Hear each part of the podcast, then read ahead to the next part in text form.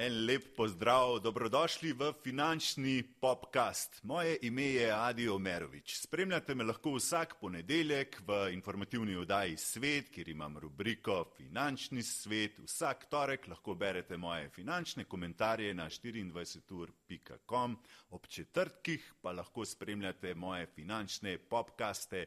In danes bomo govorili o slovenskih delnicah. Zato je z mano v studiu, v tem prenovljenem studiu, gostja Karmen Pogorevc z Ljubljanske borze. En lep pozdrav, Karmen. Lep pozdrav, z veseljem sem tu.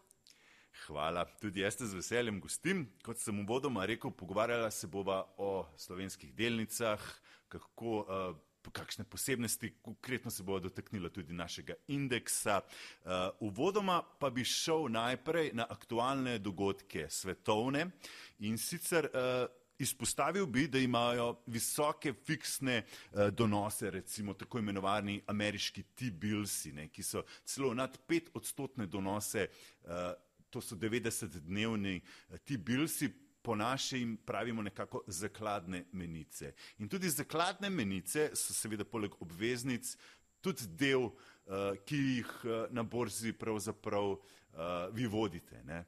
Ali kako se temu reče? Ki kotirajo na borzi. Ki kotirajo Drži. na borzi, tako. Uh, torej me zanima, glede teh zakladnih menic. Jih tudi mi imamo, ljudje lahko jih kupijo um, in če so tudi taki pet odstotni donosi, recimo, trenutno, kot so v ZDA.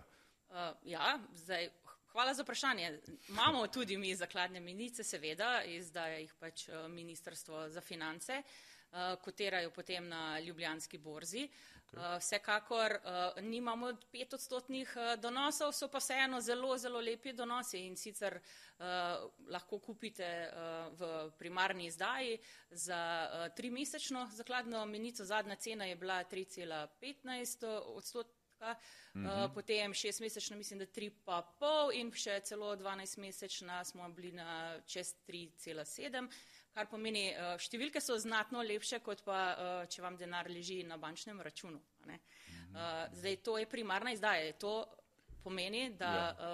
je potrebno se oglasiti v, pri upisniku primarne izdaje, to ni na borzi. Lahko greste k enim od naših članov, ki upisujejo, naprimer, to so NLB, Nova KBM, Ilerika, izpolnete um, bistvu en vprašalnik, kjer napišete za kakšno vrednost in po kakšni ceni in sodelujete v tej primarni akciji. Se pravi, ne prenest kufr denarja, ker vam na borzo, ker ne boste z njim več mogli. ne, bo, ne bo vam uspelo kupiti. Ja. Zdaj, ta okay. popularnost se je povečala zakladnih menic, če sam nadaljujem, ja, ja. ravno zaradi teh nizkih obrestnih mer še na depozite na bankah in ker je pač tudi to dostopno malim vlagateljem, je pa vsekako vsekakor um, -hmm. Možno, če vam zmanjka, recimo, da sredstvo to tudi prodati, saj na večini zakladnih menic imamo uh, zagotovljeno likvidnost, torej market maker, kar dela uh, novo KBM od konca maja mm -hmm. naprej in to je tudi en pozitiven signal, ki smo ga bili zelo veseli na Ljubljanski borzi. Ok, a te zakladne menice jaz lahko kupim kadarkoli? Ali je to samo datumsko določeno, ne vem, uh, se pravi, ministrstvo za finance določi, takrat mi to damo na voljo, takrat lahko kupite in naj ta, ta količina tega omejena? Ja, ja, vsekakor je omejena. Uh, zdaj, uh, izdaje so kar redne, zdaj ministrstvo za finance ima objavljene te datume, kdaj so kot primarne izdaje. Ne? zdaj za, za to, kar sem prej rekla kot marketmerkestvo, pa delajo, torej imate in ponudbo in popraševanje, kar pomeni, da lahko vi tudi to kupite preko ljubljanske borze na Aha. trgu potem to kot sekundarno. Kadarkoli. To pa lahko kadarkoli, ampak okay. tukaj to ne govorimo o tri mesečni, ta je mal prekratka okay. ročnost, so pa šest, dvanajst pa osemnajst mesečne zagotovljene, pač tudi pokrivanje likvidnosti, kar pomeni, imate ponudbo, imate popraševanje, lahko kupite. Okay. Eh, dotakniva se še obveznic. Ne? Spet, če, če izpostavim ZDA, vidimo celo dramo, tam, tam so donosi zelo visoki, zaradi tega se tudi eh, denar nekako iz delnic odteka v te fiksne donose, o tem smo tudi razpravljali, mislim, da v ponedeljek v, v vdaji. Um, to me zanima, imamo tudi pri nas visoke donose na obveznice in uh, kje smo pravzaprav z obveznicami? Ja, ok.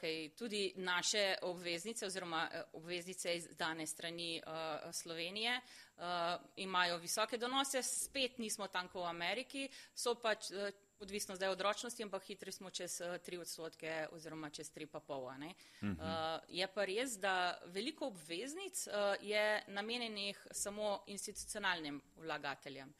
Uh, Uh, to pomeni, to pomeni kaj, da niso so, na voljo ljudem. To pomeni, da ja, ne more priti uh, neka fizična oseba in jih mogoče kupiti uh, mm -hmm. ali, oziroma sodelovati v primarni izdaji. Uh, lahko mogoče jih kupi potem na sekundarnem trgu. Uh, vsekakor pa uh, obstaja možnost vseeno tudi za fizične osebe določenih mm -hmm. obveznic, da jih lahko kupujejo. Tukaj si pa obetamo eno veliko novost in to so pa uh, zdaj te napovedane, um, bomo rekli, javne obveznice. Neke ljudske, ljudske obveznice, Aha. public bonds, ki, so, okay. uh, ki jih je Ministrstvo za finance napovedalo uh, že marca, uh, da naj bi bilo uh, izdaja v tem letu. To bi pa bila dejansko obveznica, uh, ki bi bila namenjena malim vlagateljem, kar pomeni, da bi lahko tudi za manjše uh, zneske participirali. Uh, in uh, z namenom tudi, da mogoče del slovenske javnosti.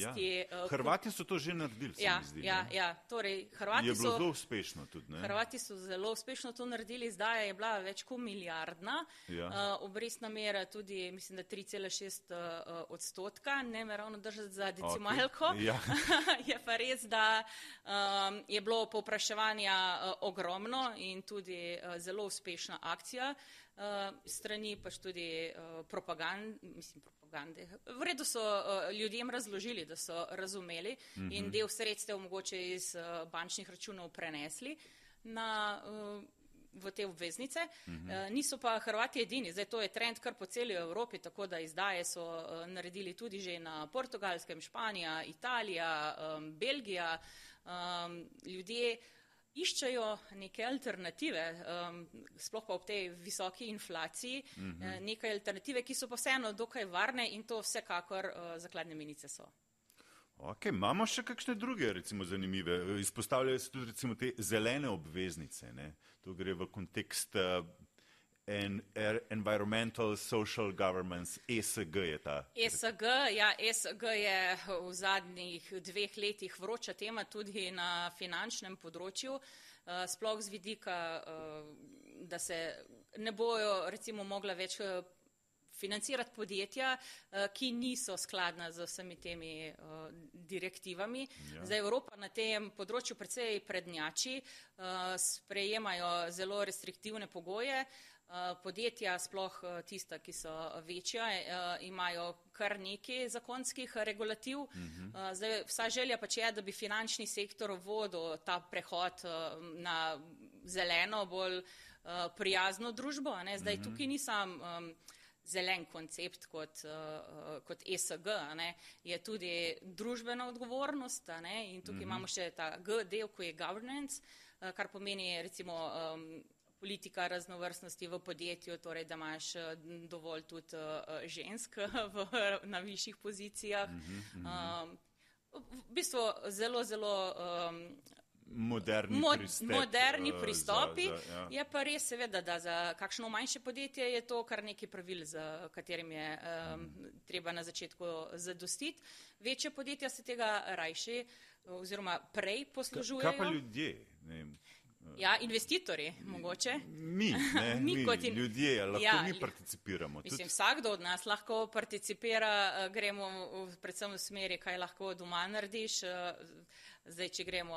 V... Z nakupom te zelene obveznice. Zelene obveznice, ja. Ali bo to sam za podjetje? ja, eh, zelene obveznice, za en, kar so bile izdane, je mogoče malce teže za. Uh, fizične osebe za, za kupovati, oziroma da so malo večje zneski, vsekakor pa vedno več tega prihaja na trg. Um, naša država, oziroma tudi SID banka so izdali zeleno veznico, ampak ne na ljubljanski borzi v tujini. Uh, ta, tam so lahko tudi slovenska podjetja dobila zelo ugodna potem sredstva, če so ustrezala tem pogojem za uh, zeleno. Je pa, kaj se pa po, tukaj v financah zelo pojavlja, zdaj pa greenwashing, kar pomeni, da vi vse imenujete zeleno in je potem to bolj popularno, kot pa neka stvar, ki ni zelena. Ne? Uh -huh, uh, ta, tako da ta uh, izraz je tudi precej nov, ta greenwashing, torej vse dajmo v zeleno in se bo bolje prodajalo, više cene in tako naprej. No, to uh, se je tudi že hitro ugotovilo, da če na tak način ne bo šlo čez. Zato sprašujem, če bi bilo pametno, ja, ne, da se še mi vključimo v zelene obveznice z visokimi donosi. Ne, ne, ne, ne, ne. nimajo, zelene obveznice nimajo nič višjih donosov, to ni, Aha, ni namen, da imajo više donose, namen je, da, uh, da pač podjetje striktno sledi določenim pravilom. Pravi, okay, in štekam. zmanjša, naprimer, oglični odtis ali pa razumem, razumem. na takšnejši način. Je pa res, da recimo tujci uh, od slovenskih eh, podjetij, tudi ki kotirajo na borzi, uh, recimo zahtevajo, da um, izpolnjujejo vedno bolj te uh, ESG pravila in standarde uh, in slovenska podjetja, uh, vsaj v prvi kotaciji, zelo veliko delajo na tem področju. Mm -hmm. um, so po moje vodilna, um, kar je tudi prav, ker so med največjimi v uh, državi in Dobro. tudi na tak način pač se dober uh, vpliv širi, mm -hmm. vsekakor pa ja, je povezano z zelo veliko ja, tudi to, neke, to bo verjetno nek mast v, v prihodnosti, ne, ker vsi bojo stremeli k temu, ne, da, da, da, bo, da bo to del. Vedno več, pa mislim, Seveda. da tudi mlajše generacije, Razumemo. da jim je to vedno bolj pomembno. Absolutno. Dobro, uh, vrniva se nazaj na, na donose. Ne? Donosi nas zanimajo. In, um, ja, kaj, kaj pa recimo evropski ETF in obveznice? Ne? Tudi to obstaja, ne? tudi to lahko kar v evrih direktno uh, kupimo. Obstaja, sicer ne na Ljubljanski borzi. Na Ljubljanski borzi lahko kupite dva ETF-a, eden je vezan na, pač na, na slovenski trg, na Ljubljansko borzo, en na Hrvaški. Uh, Eh, drugače pa lahko eh, mirno uh, si izmislite in kupite ETF, torej sklad, ki kotira na borzi, katerekoli uh, ročnosti uh, v evrih, uh, večina na um, frankfurtski borzi. Uh -huh. uh, recimo, Mogoče do, veš, mislim, kakšen, kakšni, ne vem bolj številke konkretne. Ja, ja, zdaj ne bi uh, sicer konkretno katere uh, uh, izpostavljala, uh, ker jih je resnično veliko, ker imate uh, odvisno zdaj, ali, ali so tukaj notrokličana podjetja, uh, ki imajo um, recimo kakšno bonitetno dobro oceno, ena so junk bonci, ki nimajo bonitetne ocene, potem recimo ročnost, je to za eno, dve, deset let, uh, uh, tako da vsem teh, po vseh teh kadalnic, ki se potem tudi donosnosti precej razlikujejo, je pa res, da, eh, da je to zdaj trend eh, in je popularno v Evropi. Eh, vsekakor pač brokerske hiše Eh, jih, bo, jih bo znali hitro eh, priporočiti ja, recimo ljudem. Seveda, ne, ja, mora pa vsak za sebe ja, pogledati. Ja, ja, če bo inflacija toliko časa ustrajala, ne, če se bomo navadali na visoke obrestne mere bančne in inflacijo še dolgo, bomo verjetno iščejo ljudje alternative. Ne, se predvidevam, da zaradi tega je to tako zanimivo. Ja, ja, ja, vsekakor. Mislim, pri nizki, nizkih obrestnih merah na depozite. Um, Še vedno pač uh, so ostale alternative uh, um, nekaj, kar ljudje iščejo in nočejo pa mogoče eni preveč tega, to, da je obvezniški mm. ETF-ji vsekakor so. Da vam uh, mogoče še to ljudem razložiti. Ja. ETF, ETF, ta beseda se vse čas v, izpostavlja. Mogoče čistko po domače, ne? kaj prav ETF, mi dva temu praviva košarica. Ja, ok. ETF sama kratica pomeni Exchange Traded Fund, torej sklad, ki kotira na borzi. Uh, Eh, čisto po domače, košarica, v kateri noter imate vse eh, dobrine enake, kot je pač recimo sestava enemu indeksu, ki mu ta ETF sledi. Zdaj, če, če greva recimo Indeks čisto... spet skupek nekih uh, firm, ne, skupaj ali pa lahko je tudi ETF vezan na branžo, ne, lahko je zaprav ETF vezan na letalsko industrijo, ETF vezan na umetno inteligenco, ETF vezan na uh, ETF-ji dejansko obstajajo na skoraj vsako na, stvar, na kar bi si zamislili. Tako, ne, ja. na... Se pravi, kupite več firm, recimo in Boeing in Lufthansa in ne vem kaj, kar je vse v letalskem košarici, ne, skozi en. Ne, in zato je ful bolj poceni, ne, ker je to pravzaprav ti kupiš en. Predvsem iz vidika uh, za male vlagatelje, če nimajo toliko sredstva, da bi v neke znatne Tako. vložke dali v več uh, delnic. Mm. Uh, z, vrzi, z vidika diverzifikacije, torej razpršitve, ja, je ja, ja. sigurno ja. to zanimiva stvar. Ja, ja. Lahko pač tudi recimo pogledava, kaj je v slovenski košarici. Torej v... To še prideva do slovenskega okay. uh, SBI top oziroma SBI topa. To je indeks, ja. Indeksa našega. E še, preden, še eno stvar imam, ki se mi zdi zelo pomembna, uh, preden greva na delnice. In to so komercialni zapisi. Uh, komercialni zapisi, mnogi si, kaj pravzaprav to je, ampak tudi to prinaša zanimiv donos lahko. Ne? In tudi ljudje se lahko vključijo v to. Ja, komercialni zapisi so pač uh, spet na dolžniški strani, izdajo jih pa podjetja. In to ponavadi podjetja, ki imajo neko sezonsko komponento, kar pomeni, da v enem modelu leta uh, rabijo denarna sredstva in na recimo konc leta jih pa dobijo, pa jih vrnejo. Mhm. Se pravi, podjetje reče, uh, dajte mi denar, jaz vam vrnem tok in vaš donos bo, ne vem, pet odstoten. Ja, točno tako. To je vrhunsko. To je boljš kot kjerkoli uh, zakladna menica, obveznica. Ja, je pa res, da seveda je to tveganje podjetja. Vedno moramo gledati, ne samo donos, tudi tveganje na drugi strani. Tveganje podjetja je sigurno večje kot tveganje države. Ja, zdaj, se pravi, da, podjetje propade, uh, izgubimo vse. Ja, zdaj, da bo komercialni zapisi so kratkoročni, kar pomeni 10 mesecev, 11 mesecev. Uh, verjetnost, da bo podjetje propadlo v takem kratkem času, bi jaz rekla, da je vseeno relativno nižjak. Ja, ja. uh, ampak, ampak ravno dovolj, da vidimo, kaj se bo zgodilo bo zdaj recesija, glih v teh 10-12 mesecih ali ne. Skratka, če, če ne želiš špekulirati, seveda, ne, da, da ne neko varno, ampak tudi to, kot praviš, je lahko. Ja, tega, ja zdaj bom rekla, še kar nekaj časa nazaj je zelo veliko podjetij izdajalo komercialne zapise. Uh, zdaj v obdobju, ko so bile nizke obrestne mere, se jim to dejansko niti ni splačalo, ker je bil praktično zaston denar na banki, mm -hmm. ki so ga lahko dobili. Je pa sigurno ena od možnosti za podjetja, da tudi diverzificirajo svoje vere financiranja, kar pomeni, da niso odvisni samo od bančnih verov, mm -hmm. od ene banke, ampak da, da jim pač posodijo denar še drugi investitorji. Kakšna podjetja so se že pojavljala v Sloveniji, ki so recimo komercialne zapise izvajala? Uh, ja, zdaj, ok, elektro. Uh, um, Elektropodjetja so nekaj izdajala, potem je Geni bil, uh, zelo tradicionalno včasih, preden so pre, prevzeli Kitajci, je bilo gorenje vsako leto. Uh mhm. -huh. Tam je bila recimo ta sezonska komponenta zelo izrazita. Uh, na zadnje je pa uh, pod, uh, javna razsvetljava so izdali uh, komercialni zapis. Tudi si uh, Uh, mislim, da je izdajal. Torej, to je omejeno, ne? oni verjetno uh, rečejo, koliko denarja želijo in kdor prvi pride. Ni ravno prvi pride, prvi melje, ni tukaj ni nobene. Okay. uh, uh, morate zdaj ali nikoli, ne, te, ja. te ni. Je pa res, da po, ja, uh, poteka v bistvu upis ja. in vsekakor. Lahko pač investitorji povejo, koliko bi kupili in po kakšni ceni. Zdaj, odvisno je tudi, na kakšen način se izdajo. Recimo, če je to brez prospekta, so ponovadi to samo vabljeni investitorji. Če uh, podjetje izdela tudi prospekt, so lahko tudi uh, drugi investitorji.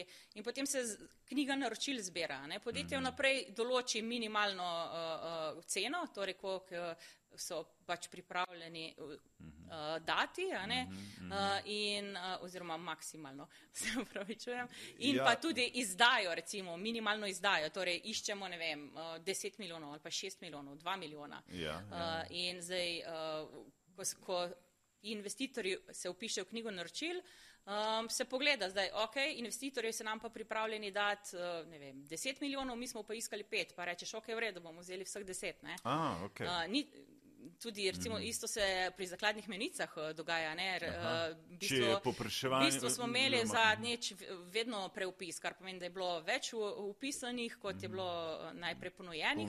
In se in lahko je, seveda ta izdajatelj ja, odloči pa, če vzame tudi več sredstev. Okay, okay. mm. um, Dobro, je, je pa to tudi namenjeno ljudem, ne, načeloma. Kdaj je naslednja, recimo, kakšna se kaj ve, kje ljudje lahko te informacije dobijo? Ja, zdaj, Uh, ravno prejšnji teden je recimo ta, bil ta zadnji komercialni zapis, ampak eh, začel je kotirati na temo C-Enter trgu našem, uh, torej ne uh, kot ljub, Ljubljanska borza, kot standardna kotacija ali prva kotacija. Uh, je pa res, ob, Obvestila imamo na Ljubljanski borzi uh, zelo redno, tudi podjetja morajo obveščati javnost, mm -hmm. ker to je tudi ena prednost uh, za investitorje. Zelo dobro ste obveščeni, če pač uh, investirate v podjetje, ki kotira na borzi, veste, kaj se z njim dogaja. Mm -hmm. um, Kdaj bo naslednja, to je pa ponovadi kar poslovna skrivnost, tako da okay. uh, ko bo kaj odprtega, uh, bo vsekakor objavljeno na spletni strani borze. Je kar na naše slovenske delnice, hardcore stuff. uh, ni jih veliko, devet jih je. Jaz sem uh, tukaj pripravil za eno sestavo, spoh, da ja. boste razumeli in sem pripravil grafično eno res zanimivo pitico. In v tej pitici vidite, kaj pravzaprav je v tej našem Eh, SBI top eh, indeksu. Torej, Krka predstavlja tretjino, 30 odstotkov, potem sledi NLB in Petrol, oba dva po 19 odstotkov, zavarovalnica Triglav 9 odstotkov dobrih, eh, pozavarovalnica Sava 6 dobrih, za njo je potem Luka Koper za isto 6 odstotkov. Telekom Slovenije skoraj 4 odstotki, Cinkarna celje 3,7 in Equinox manj kot odstotek. Torej, to je ta sestava pite devet podjetij. Ja, okay. samo da dopolnim, to niso edina podjetja, ki, ki kotirajo na Ljubljanski borzi, uh, so pa uh, podjetja, s katerimi je uh, sklenjenih največ poslov in zaradi mm -hmm. tega so mhm. tudi v indeksu. Ampak to je naš nek osrednji indeks. Ja. Jaz si predstavljam kot naš S&P 500. Ne? Drži, drži. drži. okay. Torej, prej so izpostavili, da lahko kupimo ETF, ki sledi temu indeksu. Ne? In razložila so že, kaj je ETF. Ne? Ja, uh, zdaj od lanskega leta uh, ta ETF kotira uh, na Ljubljanski borzi uh mhm. -huh. in je v bistvu dostopen za nakup uh, vsem vlagateljem. Na takšen način se zelo preprosto izpostavite uh, celmu uh, delniškemu trgu oziroma največjim devetim podjetjem, ja. uh, najbolj likvidnim, moram se popraviti, ne največjim. Ja. Uh, in za nekakšno razpršitev, eh, ki jo takoj dosežete, je to zelo zanimiva pač investicija. Mhm. Eh, je pa tudi tukaj imamo pač market makerja, kar pomeni, da v vsakem primeru eh, vsakokrat lahko kupite in prodate, tako da ni problem pač tukaj z likvidnostjo, da ne bi mogli, recimo, da nekaj kupite in ne bi mogli prodati. Ne? Ja. Ena posebnost je, ne, Total Return ETF tudi obstaja. Ne? Ali... ETF ne sam indeks. Aha, to je indeks. Ja, pravi... na, mislim, ja, v Sloveniji uh, nimamo kot ETF-a, kot Total uh, Return je v bistvu kot uh, indeks. Ok. Uh, se, total Return, samo da bodo ljudje razumeli. Tle, tle govorimo, se pravi, plus dividende zraven, kar je pri nas v Sloveniji zelo pomembno. Ne? Ampak zdaj. Uh... Vsekakor, okay, naš uh, ta ETF bi rekla je total return, ker uh, vključuje do, tudi. Dobiš dividende. Ne, ne? ti kot uh, investitor, ampak. Uh, Upravljalci iz uh, indeksa dobijo in Aha. je to pač vključeno v donos. Ne, mhm. ne prav, dobiš pa ti ETF izplačil. tudi to dobi, ali moraš imeti posamezne delnice? Uh, ETF, mislim, vsi lastniki to dobijo. Tako okay. da ETF, ki kupi te naložbe, tudi dobi. Uh, dividende znotraj. Dividende, ja. ne dela pa izplačila. Ne? Torej, uh, ti ne dobivaš dividende od tega uh, ETF-a, mhm. ampak je ta donos že notr v ETF vključen. Aha, ok, razumem, razumem. Se pravi, uh. je. Ja. to je važno, važno uh. je, da je. Um, ja. um, če uh, greva mogoče še zdaj posamezne te delnice obdelati. Zdaj, jaz sem uvodoma to pito že predstavil in uh, štiri delnice predstavljajo pravzaprav 80 odstotkov te košarice, ne? oziroma so najbolj pomembne. In zdaj bi vse te štiri delnice, to je Krka, NLB, Petrol in zavarovalnica Triglav. Ne? Jaz jih pogosto krat izpostavim tudi v naši oddaji na kanalu A v eh, rubriki Finančni svet in uh, to so te štiri glavne, ti štiri stebri, ki jih vedno spremljamo. Pa bom mogoče kar začel s krko, ne, če jo malo zanalizirava. Uh, zdaj, tukaj imamo recimo en graf od leta 98, da si ljudje tudi predstavljajo, kaj pravzaprav, uh, kakšna gibanja so bila od takrat. Tržna kapitalizacija je 3,3 milijarde, to je največ, se mi zdi, od ostalih. Potem, Drži, ja. Uh, ja, PI, se pravi razmerje med ceno delnice in dobičkom je 11,3, dividenda je lepa 6 odstotna, prihodki dobički od leta 2015 naraščajo. Skratka, cena je zdaj trenutno pri 108 in je v zadnjih 52 tednih se torej giba od 88 do 120 nekje. Krka torej. Eh, Krka, vsekakor naš eh, paradni kon, eh, kot si umenil, zdaj 30 ja. odstotkov indeksa ima, ja. je pač največje podjetje. Ja. Zdaj, tukaj noter v tem grafu je samo gibanje cene.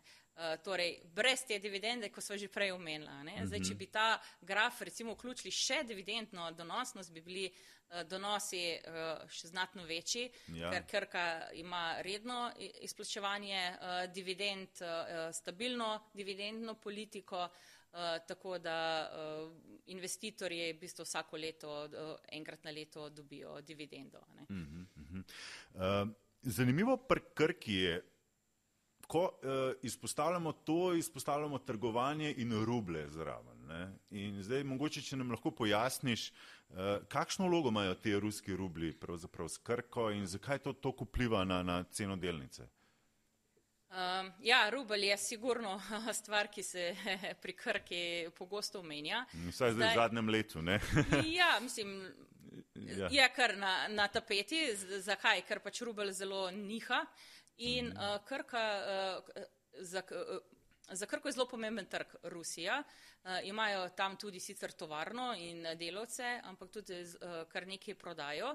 Uh, in seveda, zdaj, če ti prodaš uh, stvari v, in dobiš plačano v rub, rublih in to preneseš v, v evre, in uh, rubel pa je zelo padel, je to ja. pomeni za te zelo malo evrov, mm -hmm. uh, oziroma manj, kar se pač letos jim recimo pozna na bilanci. Ampak lani je bil pa ravno obraten učinek in so imeli v bistvu rekordne rezultate ravno zaradi uh, nasprotnega gibanja tečaja rublja in so na tem finančnem delu v bistvu uh, kar nekaj uh, zaslužili. Ne? Mm -hmm. um, In Krka pač seveda to tveganje spremlja, imajo kar nekaj tega naravnega hedžinga, kar pomeni in stroške in prihodke v Rusiji. Mm -hmm. uh, gradijo in um, povečujejo pozicijo tudi po vseh drugih trgih. Um, Tako da uh, je pa res, da ne Krka je padla v to um, skupino, uh, ki je izuzeta bila od sankcij, ker pač zdravila ne, hvala Bogu, pač ne padejo pod sankcije, torej ljudje morajo biti uh, zdravila vedno na voljo. Dostopna, ja. Ja. In uh, seveda, pač, ko so uh, zelo um, ugledno podjetje tudi uh, na tem delu sveta. Mm -hmm. PI je super, se mi zdi, 11. Ne, uh, pravzaprav... Ja, zdaj pač to je vedno relativno, napram čemu gledamo. Ja, ja. Uh, vsekakor uh, med, Mislim, med cenejšimi. Med če primerjamo z en video. okay, to je čisto drugi sektor, to ne primerjamo. Za, za, za gledalce, poslušalce je, je zanimivo, ne? je to zelo nizko. Ne, ja, to pomeni, z... da je še veliko možnosti za rast. Da, ja. Bi rekli, da ni predraga delnica. Da ni predraga. Recimo, uh, ampak ja, ja, to je bolj uh, zgodba jaz zdaj za analitike.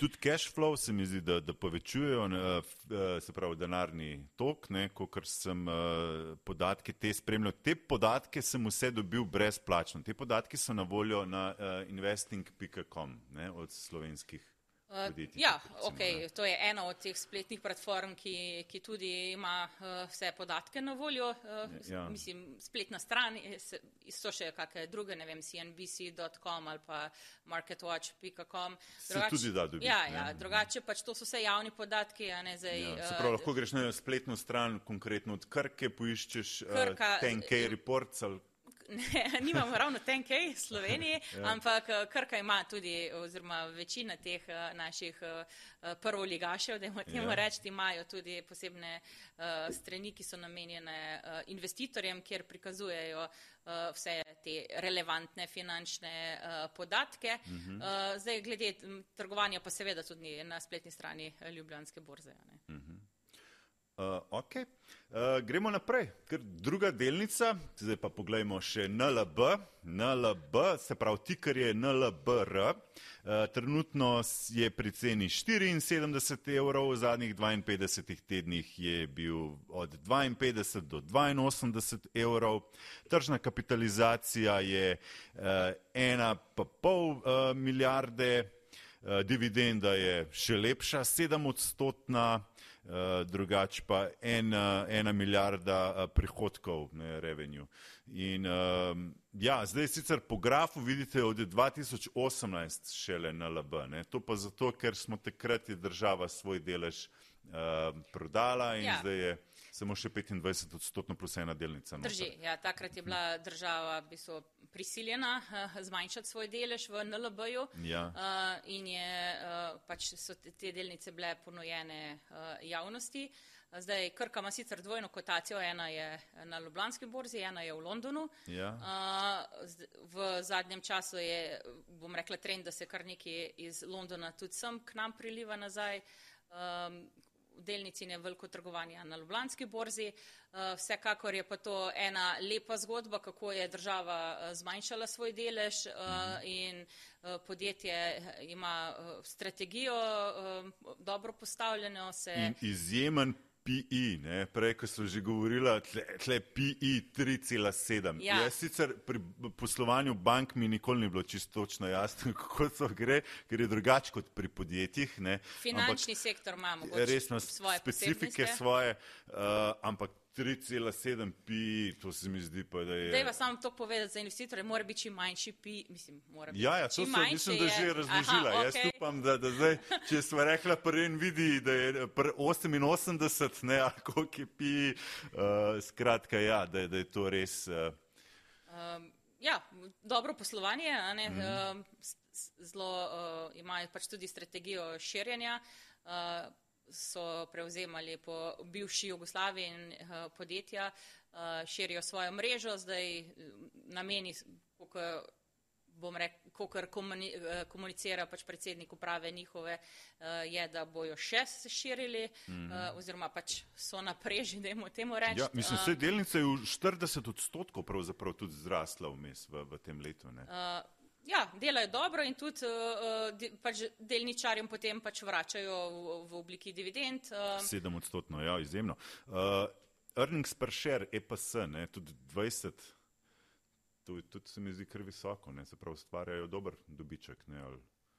Um, ja, zdaj, ok, te bilance zdaj primerjati uh, je mal težko, ker so vmes uh, zarasli oziroma s prevzemi, tako da uh -huh. tudi niso uh, mogoče stvari med leti primerljive, ampak vsekakor uh, imajo uh, zelo solidno rast in strategijo in tudi pač uh, uh, gledajo naprej in tudi recimo, ko so prej že ravno menjala ESG področje, so sigurno uh, eni od vodilnih na tem področju. Mhm. Kaj pa je intervencija države ne, s temi nič celih dva odstotka?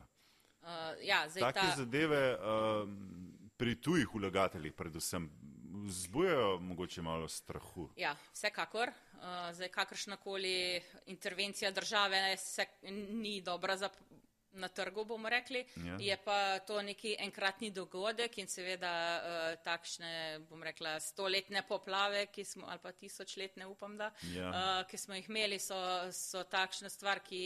Uh, ki je se ne da napovedati in, uh, in je treba nekaj ne? narediti. Ja. Ne? In tudi pač podjetje je na to na tak način komuniciralo, da bojo ja da bojo eh, pač seveda eh, solidarnostno pomagali. Mm. Je pa res, da nobena nesigurnost ni vredo. Ne. Za vsaka nova obdavčitev prestraši vlagatelje Absolutno. in sigurno ta novica na trgu ni bila vredo sprejeta. Je šlo, da, da, da se vrnem še razprodajo, no. na te poplave avgustovske. Mm. Mi smo se Karmen že, že, mislim, da junija, julija pogovarjala, ko so spremljala uh, naš uh, SBI uh, indeks in takrat je bil boljši od SP 500 ameriškega. Ne. Boljš so delale na, na naše, naše podjetja in um, seveda potem se je zgodil mes avgust in stvar je kolapsirala. Uh, zdaj, z vidika vlagatelja, ali je to enkratna priložnost, da vstopimo v nakup slovenskih uh, podjetij, ne? zdaj, če so tako ceneje, ne, kot, so, kot so bile recimo junija, julija. No, uh, ni enoznačnega odgovora, to vemo, je pa dejstvo, da ja, uh, v avgustu je slo, slovenski borzni indeks izgubil 6 odstotkov, uh, kar je bil kar na, največji padec v precej zadnjih mesecih. Sploh pa, ker pač seveda nikjer druge ni bilo takih nekih negativnih ja. novic. Uh, zdaj, Jaz bom tako rekla. Eni pravijo, da je treba kupovati, ko je na uh, razprodaji. razprodaji ko, je, ko je na cesti kri ali kar koli. Ja, ja. Zdaj, a je to ta uh, moment, bomo pa videli v bistvu za nazaj. Uh, Vsekakor pa recimo nekatera podjetja so bila bolj prizadeta, ali nekatera mogoče sploh niso bila, ampak ta nesigurnost je povzročila, da so dejansko kar vse delnice zanihale na odstola. Mhm, mhm. Ja, zdaj, če se dotaknemo zavarovalnice Triglav, ne, ki je zagotovo občutila te posledice še najbolj. Ne. Mislim, da je delnica takrat pol v avgustu še kar naprej padala dol. Do 23. augusta mislim, da se je potem prvi odboj zgodil nekje. Um, zavarovalnica Triglav in pa seveda pozavarovalnica Sava sta, Tako, uh, sta tisti dve uh, družbi, ki sta uh, bili najbolj pod udarom teh prodajnih pritiskov. Uh, zdaj, ok, zavarovalnica Triglav je imela že prej uh, neke nejasnosti samo zaradi tega dopolnilnega Aha, uh, zdravstvenega zavarovanja, uh, tako da se je pač to že prej poznalo na rezultatih, uh, ta novica pa sigurno uh, še dodatno. Še dodatno Predlagam, da, da kar izpostavim podatke, no, pa, pa, Aha, okay. pa bom kar začel. Torej, zavarovalnica Triglo trenutno uh, cena je 30 evrov za delnico. Uh, v zadnjih uh, 52 tednih, torej v zadnjem letu je ta cena se gibala tudi do 40, eh, pa bila je tudi 29 vmes. Eh, dividenda je pa res eh, huge, 8,2 odstotna. In pa sicer tržna kapitalizacija je 688 milijonov, prihodkov pa ustvarjajo 1,2 milijardi. Prihodki od leta 2015 gredo gor, tam do 2021, 2022 se je pa spet spustilo na ta nek nivo leta 2019-2020. No, tudi za leto 2023 so že tudi objavljali, ja. da eh, seveda bojo prihodki eh, znatno nižji, kot so bile prvotne napovedi. Zdaj, eh, tudi 40 odstotkov mislim, da je bilo. Še več, ja. Še več. Um, zdaj, v smislu, kaj vse napovedi so že vmes spreminjali, ampak niso bile tu samo poplave, tiste, ki so bile problematične, so bile prej še toče, eh, v bistvu teh dogodkov, ta, to leto je nesrečnih je bilo kar precej. Ja, ja. Eh, zdaj, kar so poudarili pri uh, zavarovalnici Tiglav je to, da bojo seveda uh, zdaj na novo morali sklepati te pozavarovalne pogodbe, tam znajo biti kar uh, hude, huda pogajanja, bomo rekli. Je pa res, da vse zavarovalnice imajo stvari pozavarovano, kar pomeni, da se škoda uh, ne pokaže sam pri njih oziroma sam delček škode pade na njih, drugo gre pa še tudi na ostale zarovalnice v bistvu po vsej Evropi, uh, tako da ta učinek uh, ni samo na eni zavarovalnici. Ne. Tega uh, se mogoče vlagatelji včasih tudi ne zavedajo dovolj in uh, reakcije so zelo čustvene, uh, ko pride do kakih takih dogodkov. Eh, sicer pa je od leta 2009 smo videli samo ta graf. Uh, ja, ja, ja, ker je šele takrat uh, začela kotirati. Je pa res, da zavarovalnica Triglo je bila vedno med tistimi, ki so imeli najvišjo dividendo uh, izplačano, v bistvu govorimo o najvišji dividendni uh, donosnosti, tudi skozi konstantno, uh, tako da je tudi recimo bila za tuje vlagatelje zanimiva zgodba. Uh, Uh, in verjamem, da bo eh, tudi še v prihodnje. No. Tukaj PI, ne, ne, če sem prej uh, izpostavil 5,5, tudi nizek PI.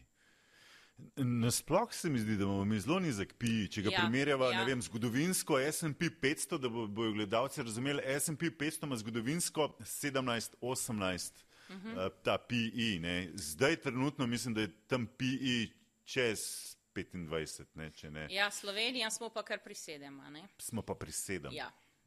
Uh, Slovenija je pri sedem, kar je sigurno, bom rekla, kaže na neko uh, podcenjenost. Potencial, ne, da, da, pa sigurno. prihajajo, ne vem, JP Morgan, Morgan Stanley, um, druge banke, SBC, tudi, tudi, tudi temu se govorili, da prihajajo k nam. Ne, da Sigurno, da jih zanima, ne, zdaj ja. tako nizke vrednotenje in vsekakor uh, dobra podjetja uh, so zanimiva tudi za tujce, uh, interes obstaja, uh, vse, uh, uh, in iz Evrope in iz Amerike. Ne. To se tudi pozna, recimo, ko imamo na borzi te naše webcaste, ne. mi ja. imamo iz, iz celega sveta tole investitorje, ki so prisotni uh, tudi iz Amerike, Japonske, uh, se sem že rekla enkrat, naše ja. najbolj. Um, Ne rečem, eksotična država, tokrat je bil iz, en investitor iz Kazahstana, ampak um, interes vsekakor je tudi teh večjih investicijskih družb. Um, imamo pač na drugi strani to našo pomankljivost ne, in to je likvidnost.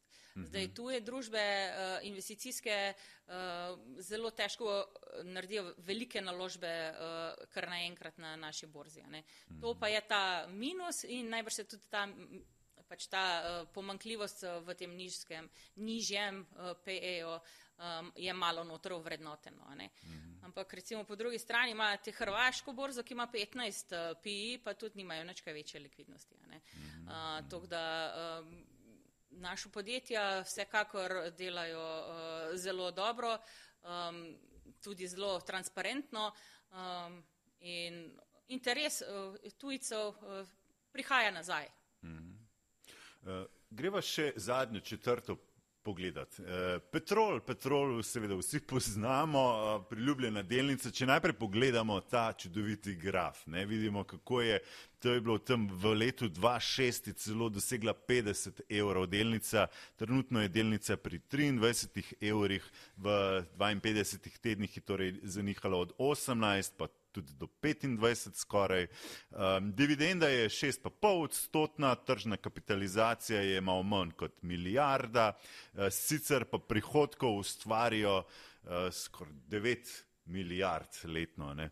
In uh, PI, a sem ga tudi izpostavil, tlele izpisal, no, uh, imajo uh, earnings per share, imajo zelo nizek. Ne? Ja, ja, ok, zdaj to je. Prav to ni so... dobička pri njih, ne, pri njih je res samo prihodek. prihodek ne, je... ne, to ne bo čist držalo, lani so imeli. Prihodek zelo... je poskočil, ja, še ta podatek, leto, od ja. 2020 do 2022 je prihodek iz uh, eh, 3 milijard na več kot 9 milijard, ne, skoraj trojno so povišali ta prihodek.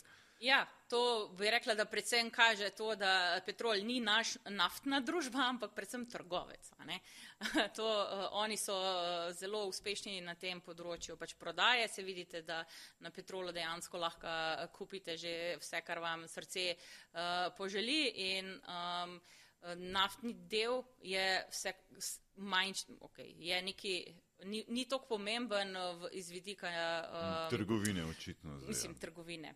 Uh, naftni del, seveda, to je njihova osnovna dejavnost, ampak so vse, kakor še vse drugo. Uh, ja. kaj, zakaj recimo, je bilo lani problematično leto za njih, uh, kot se spomnimo te ukrajinsko uh, kriza, ko je Rusija napadla Ukrajino in vse te probleme za nafto.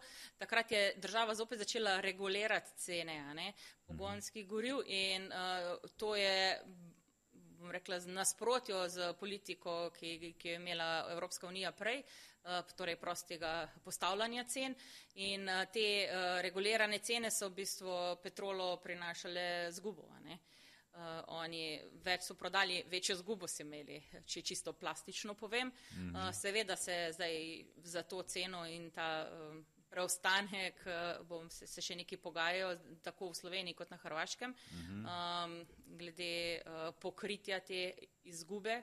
Uh, je pa res, da uh, je bilo pač to resnično eno uh, tako specifično leto za njihovo družbo in um, verjamem, da bojo um, šli zdaj na, naprej po uh, teh terih. Tudi lani so dokončali prevzem te hrvaške družbe, Krodox, ne, mm -hmm. se tudi uspešno širijo in tudi uh, Petrol uh, dodaja druge še um, dejavnosti, a ne, mm -hmm. tudi te električne polnilnice, uh, um, so aktivni na tem področju. Mene sam skrbi, ker ni dobička. Tle, e, e, tle me skrbi to, kaj jaz recimo, če imam delnico, imam dividendo, ki je sicer 6,5 odstotna, sem če oni ustvarjajo dobička, lahko rečejo, a zdaj pa bomo to dividendo zmanjšali na en odstotek. Zdaj, petrol, bi rekla, se je kar zavedal uh, te, mislim, bolečine delničarjev uh, ja. in so tudi lani, uh, kljub temu, da v bistvu tisti uh, let, na letni ravni niso ravno imeli dobička, so izplačali dividendo, kar je pač bila še posledica preteklih dobičkov. Ne? Ti lahko Aha, vedno izplačeš, eh, pač, če imaš na bilanci dovolj sredstev še za nazaj. Vse to, denarnega toka imajo pa dober, ne? Uh, ta, se pravi, free cash ta, flow. To je pa čisto trgovec, no? In pa, pa, in pa dober delaj. Se pravi, denar imajo, ne? Ni problemu. denar kroži, bom kroži, ja. Mislim, so likvidni in super delajo, ne? Tako da, uh, ostalih delnic zdaj ne bova analizirala, ne? So pa seveda tudi zanimive. Uh, Equinox, mogoče DVG izpostaviti ker uh, ga ljudje res uh, redko slišijo. Ampak kaj pravzaprav okay. ta nek ekvinoks, ki ga imamo um, pol odstotka? Ekvinoks je v bistvu uh, družba, ki je začela uh, kotirati lani na Ljubljanski borzi. To je bila naša uh, zadnja, uh, najnovejša uh, kotacija, uh, nekakšen bi rekla IPO slovenski. Secondary uh, IPO. Second, SPO. Ja. Uh, je, uh, nepremičninska družba, kar pomeni, da imajo v lasti uh, različne uh, nepremičnine, poslovne nepremičnine uh, in uh, delnica, mislim, zdaj ne vem, imaš tudi kaj graf ali ne, ampak od ne, začetka. Samo za te štiri sem pripravil. Ja, ja, ja, da, ja, mislim, da je bila začetna cena pri uh, 37. Uh, Um, veliko se trguje. Prvi ne, dan, vem, da, da, ja. Ja, zelo veliko oni tudi delajo na odnosu do investitorjev, ja, uh, ja. kar pomeni, da se predstavljajo, kar, to, kar je dobro, ne, da mm. investitorji vejo, kdo so, kaj so, kaj imajo v portfelju. Uh, in to je najbrž pač rezultat, uh, da je tudi veliko popraševanje potem, oziroma da uh, povečujejo število delničarjev, da mu temu rečem. Mm -hmm. Uh, ok, se lahko v, v ta sestava tega našega indeksa spreminja, ne vem, lahko povečate uh, recimo Equinox, zmanjšate cinkarno celje ali pa ne vem, kako pravzaprav to poteka? Ja, ja, to, ta stvar ni fiksna, je uh, vsako leto delamo uh, štirikrat na leto, torej četrtletno revizijo uh mhm. -huh. sestave indeksa. Uh, gleda se pa, katere delnice uh, so najbolj prometne, torej s katerimi se ustvari največ um, prometa in uh, lahko delnica pride v indeks ali pa tudi uh, pade ven iz indeksa. Uh mhm. -huh. Zdaj, katere delnice, če bi bile recimo kot kandidati, imamo najprej eno četrtletje jih na listi kandidatov, uh, Eh, in jih spremljamo, torej da se eh, dovolj poslov eh, sklene z njimi, torej A. mora biti posel sklenjen vsak, vsaj vsak drugi dan. Je to lahko kakšno rečeva, da, da jo gledujete, da bi jo še dodatno vključili? Trenutno nimamo, indeks? mislim, da nobene na uh, watch listi, okay. uh, um, na zadnje pač ja prišel gor uh, Equinox. Uh mhm. -huh. Vsekakor pa nočemo uh, kar naprej spreminjati to sestave indeksa, ker to uh mhm. -huh. vpliva tudi na vse tiste, ki pač sledijo indeksu in morajo ja, ja. potem prilagajati to strukturo in je to potem recimo povezano tudi lahko za njih s povečanimi stroški in uh, na tak način pač mogoče ni najbolj uh, smiselno kar naprej delati nekih prilagoditev. Uh, more, je pa stvar sigurno dinamična, ni, ni či fiksno določeno mm. in zacementirano. Okay, na tej točki mogoče, če lahko izovem še ne, pa se malo dotakneva naložbenih strategij, tudi mi v uh, izvajamo en tak eksperiment, zelo zanimiv, ker smo začeli investirati v naš svet portfelj. Uh, torej, pet delnic smo vložili v 25, oziroma zdaj smo že na 30 odstotkov. V torek smo še dokupili dodatno delnice zlata, ne, ker je pravzaprav cena še malo padla dol in smo to priložnost izkoristili in smo do, še dodali, torej pas Pan American Silver smo še za 5 odstotkov uh, dodali. Zdaj smo na 30 odstotkov portfelja, 70 odstotkov pa še skozi hranimo v denarju, čakamo priložnost. Um, torej, Poznaš naš svet portfelj, kaj pravzaprav imamo vse notri? Ja, ja. Uh, začeli ste sicer uh, v tujini, a ne? Uh, Tako, pa, imamo se pravi seveda, Pan American Silver, zlato, uh, pa srebro, BTU, kar je vezano na premog, imamo tudi uh, Alibaba, kitajsko, trgovce, ja. delnice Disneyja in luksus, ne, Louis Vuitton. Na francoski borzi. Ja, ja. To je zaenkrat. Zaenkrat imate ja. to, v bistvu, ja, predvsej vezan trenutno na surovine, ne vaš portfelj. Ja, uh, uh, ja, ok. Uh, Vredo je, da je pač uh, razpršeno v smislu, da imate različne, uh, ja. da nimate, ne vem, uh, pet uh, iz enakih panog. Uh, fajn je tudi, da imate eno bolj, uh, bom rekla, konzerva mislim, konzervativno Disney, a ne kot uh, ta je bolj, ta je bolj kot value stock in pol imate tudi. Uh, Zelo poceni je bila, ne, seveda. Uh, ja, ja, mhm. ja, ok, fajn je kupiti ko je pocen to drži. To smo ampak, iskali, seveda. Ja. uh, vsekakor pa uh, je pač nasploh, uh, gled, ste pogledali tudi uh, finančne ja. del. Uh, je pa, um, ok, uh, zdaj ali baba, uh, bom rekla, jaz sem pred že kar nekaj časa to delnico zelo veliko krat kupila, prodala v tem stilu, ampak ja. um, zelo zanimiva delnica za nihanje. Uh, je pa mogoče zapozoriti Kitajska, uh, ja, ja. Um, en maj, mali klicajček zraven, ker tam je pač partija, ko se nekaj odloči, ja, tudi na ja. podjetja vpliva. Po drugi ne? strani pa spet Kitajska, ne, milijarda pa pol ljudi, Drži, vemo, da bojo imeli največji GDP. Kmalu, Perspektiva da. vsekakor ogromna, to, ja. to, to, to ni vprašanje, bolje pa ta vprašanje, uh, koliko so transparentni, koliko so uh, prirejeni ali pa kaj jim bo dogajalo, bojo šli na Tajvan ali ne. Ja.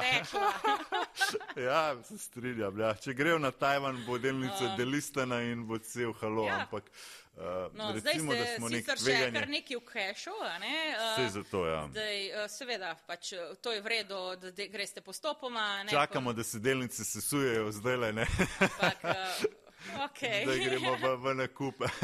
Jaz bi rekla postopoma, nikoli ni eh, pravi trenutek, če eh, ne predolgo čakati. Tako, uh, tako. Sigurno pa imate tudi zanimiv slovenski trg.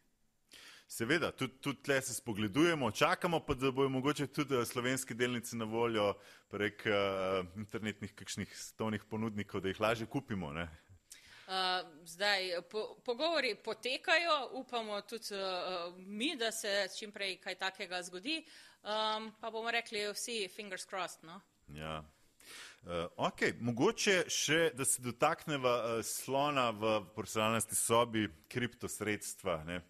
Slovenci smo naredili se prav Bitstamp, ne? imamo uh, prvi, ki smo sploh Bitcoin na menjalnicah ponujali, uh, smo zelo nekako s tem kriptosvetom povezani. Uh, In tle me zanima, vem, da se veliko pogovarjamo, a bomo nek ETF tudi za kriptosredstva ponudili, to se zdaj verjetno v, v ZDA so velike razprave oktobra. E, mene zanima mogoče neko mnenje, mi kot sami tle nimamo nekih. Uh, pravo glasanja, ne? se pravi, vse se moramo drž držati neke evropske regulative. Verjetno. Ja, ok, uh, zdaj kriptosvet, uh, to je uh, čist, uh, bom rekla, na drugi strani v smislu uh, regulacije, ker pač ni regulirana. Ja. Zdaj, uh, Mi imamo kar veliko nadzora in tudi to, da recimo, kar zgubiš neka sredstva, jih pač na klasičnem trgovanju ne moreš.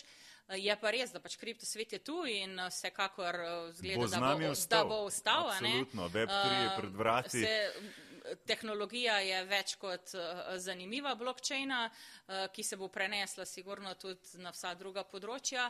In na finančni um, svet verjetno in dolgoročno ja, verjetno bo ta mislim, krok sklenjen. Ne? Najbrž, jaz mislim, da kak hibrid bo slejko prej nastal, je pa tu seveda stvar neke regulacije oziroma tudi zagotavljanja varnosti za investitorja, kar najbrž bojo zdaj v kratkem tudi sprejele zakonodajne oblasti v Evropi, pa da se prenaša tudi na našo zakonodajo, uh, da se malo nesigurno zmanjša. Ne? Ja. Je pa sigurno na čist drugih principih, ampak uh, ja, je tukaj in zgleda, da bo ostal. Smo pa Slovenci, uh, mislim, da kar rekorderji po tem, koliko imamo um, kripto uh, naložb. V, kot največ v Evropi, a, ne, a na drugi strani to, ne, smo pa, mislim, da na repo tistih um, naložb na prebivalca v delniške naložbe. Vse to, ta finančna pismenost, ne, o, o tem se želimo vse čas pogovarjati in izpostavljati. Ne, se pravi, mi imamo radi loto, ne, tudi piramidni sistemi, ne, da imamo vse to, na drugi strani pa denar v nogavico in uh, nepremičnino. To je pa Jaz mislim, Holy da smo grail. mi slovenci, ja imamo v sebi kar dve osebi uh, uh, ali pa dve osebnosti. Uh, ena zelo, zelo nagnjena tveganju, čisto vse najbolj tvegane variante v Sloveniji super uspevajo. Uh, Uh, po drugi strani smo pa čisto konzervativni. Torej, denar na banki, tudi če vemo, da zagotovo zgubimo vsako leto 5-6 odstotkov, ali v štumfu, kar je še hujš, no, ok, pač nepremičnije. Ne? Ja. Mal, manjka nam pa ta umestni del, kjer je cel spektr raznih naložb, torej um, delniških, obvezniških. Ja. Uh, ne, se je hudo to, ne? to bi že, že, že v osnovnih šolah, že, že se jaz vidim, jaz imam dva otroka, se že o tem izobražujejo, že potekajo tudi diskusije diskusije na ministrstvu, da bi čim več te, tega znanja drži, prenesli drži. na mlajše generacije. Zdaj uh, se je vzpostavila tudi delovna skupina na uh, ministrstvu za finance, uh, kako to finančno pismenost ne samo kot v šoli, ampak čim širše javnosti uh, na različnih področjih prenesti. Zdaj, sigurno, mislim, naša želja bi bila to dati v šolski sistem, Uh, je pa res, da zdaj kot nek poseben predmet je najbrž to zelo težko, ker sigurno nočemo, da imajo li, uh, otroci po 9 ur pouka, ker se še nek dodaten ja, predmet ja. zranda. Uh, se da pa to najbrž v kakšno medpredmetno, ne, ne vem, v okviru matematike uh, ali etike česar. In etike, zadev, ja, trenutno, ne, je... trenutno je v bistvu v gospodinstvo vključena neka um, uh, finančna pismenost, pa mislim, da je malo z, mogoče bolj zgubljena tam. Uh, se pa na tem področju Uh, Ko bo sigurno... to del matematike, pa se bo obrestno, obrestni račun izpostavljal, bo, bo zanimivo. to je življenjsko, to vsekakor se je ja. treba naučiti. Moram pa tudi povdariti, recimo nekatere šole imajo kot neke interesne dejavnosti, te take kroške, uh, tako da uh, so um, že kar neki same začele delati na tem področju. Ne, tudi recimo Ministrstvo za šolstvo vsako leto organizira ta uh, Global Money Week, torej uh, Evropski teden denarja. Tudi mi uh, sodelujemo tam z našimi um, webinarji ali pa webcasti, kakorkoli. Uh, veliko šol tudi sodeluje, se dela na, na tem področju, sam bom rekla parcialno, ne kot uh, za vse. Ni za vse okay. enako. Kaj pa za nas malo starejše, ne? katere knjige recimo bi bile dobre, da nas popeljejo v ta svet investicij? Kaj nam predlagaš? Jaz bom rekla, najbolj osnovna knjiga, ki jo bi mogel vsak, pa že tudi osnovno šolc prebrati, je uh, Rich Dad, Poor Dad. Ali, prav, bogati očka, bogati revni očka. Revni očka, mislim, da celo zelo delajo po natis, da bo prišel oktober. No, ven ta knjiga je sicer stara 20 let plus, ampak uh, princip je pa ta, ne, v šoli nas učijo, kako naj delamo za denar, hmm. morali bi se poučiti, kako bo denar delal za nas. Ja. Uh, ta del. Uh, Torej, dajmo se to naučiti, uh, videti, kakšne so možnosti, uh, ne čakati, da bo država delala za nas, dajmo vzeti svojo usodo v svoje roke. Uh, to je recimo poanta, ki jo jaz iz te knjige um, ven potegnila. Je pa, recimo, bom rekla, tako zelo preprosto branje tudi že lahko za više razrede osnovne šole ali pa, ali pa srednje šole. Za vsakega, pravzaprav, ki, lahko, si, ki si želi vstopiti v ta svet bolj investiranja. Tako kot nek princip je. Ne? Tako, tako. Druga knjiga, ki bi pa rekla, je pa od uh, Warren uh, Buffetta in sicer mislim, da je Ten Golden um, Rules of Warren Buffett. Mm -hmm. uh, Deset zlatih pravil Warrena ja, Buffetta. Ja, ja mm -hmm. oziroma Principles, mislim, da je ok, mm -hmm. principov. Jo je seveda sam napisal, ampak uh, on je pač vseeno alfa in omega za um, value uh, investinga. Value investinga uh, in, in ima svoj track record, torej donose, ki jih je dosegel, tudi ta sklad, ki ga upravlja. Ravno z obrestno-obrestnim računom. Ne. Ja. Pač, uh, obrestni, obrestni račun, torej čas dela On za. On pravi, vas. to je uh, osmo čudo. Ne? Sveta, Lahko tudi to poimenujemo. Karmen, ne? hvala lepa za obisk. Uh, upam, da te nisem preveč namatral, da si se počutila v redu v, v, naši, v moji družbi in v našem studiu. Uh, skratka, če boš moja gostja, tako da Eh, hvala za povabilo. Ja, bilo mi je veselje. Se veselim še debate o naših slovenskih delnicah in kaj se pravzaprav dogaja na našem trgu. Zelo pomembno je. Tako, dragi gledalci, poslušalci, hvala lepa tudi za vašo pozornost. Eh, spremljajte me seveda v ponedeljek, kdaj svet, kjer eh, bom v rubriki Finančni svet predstavil aktualne finančne novosti iz finančnih trgov. V torek me berite naprej na 24.com, moje finančne komentarje in seveda ob četrtkih bom seveda z vami tukaj v finančnih popkastih. Hvala lepa za pozornost.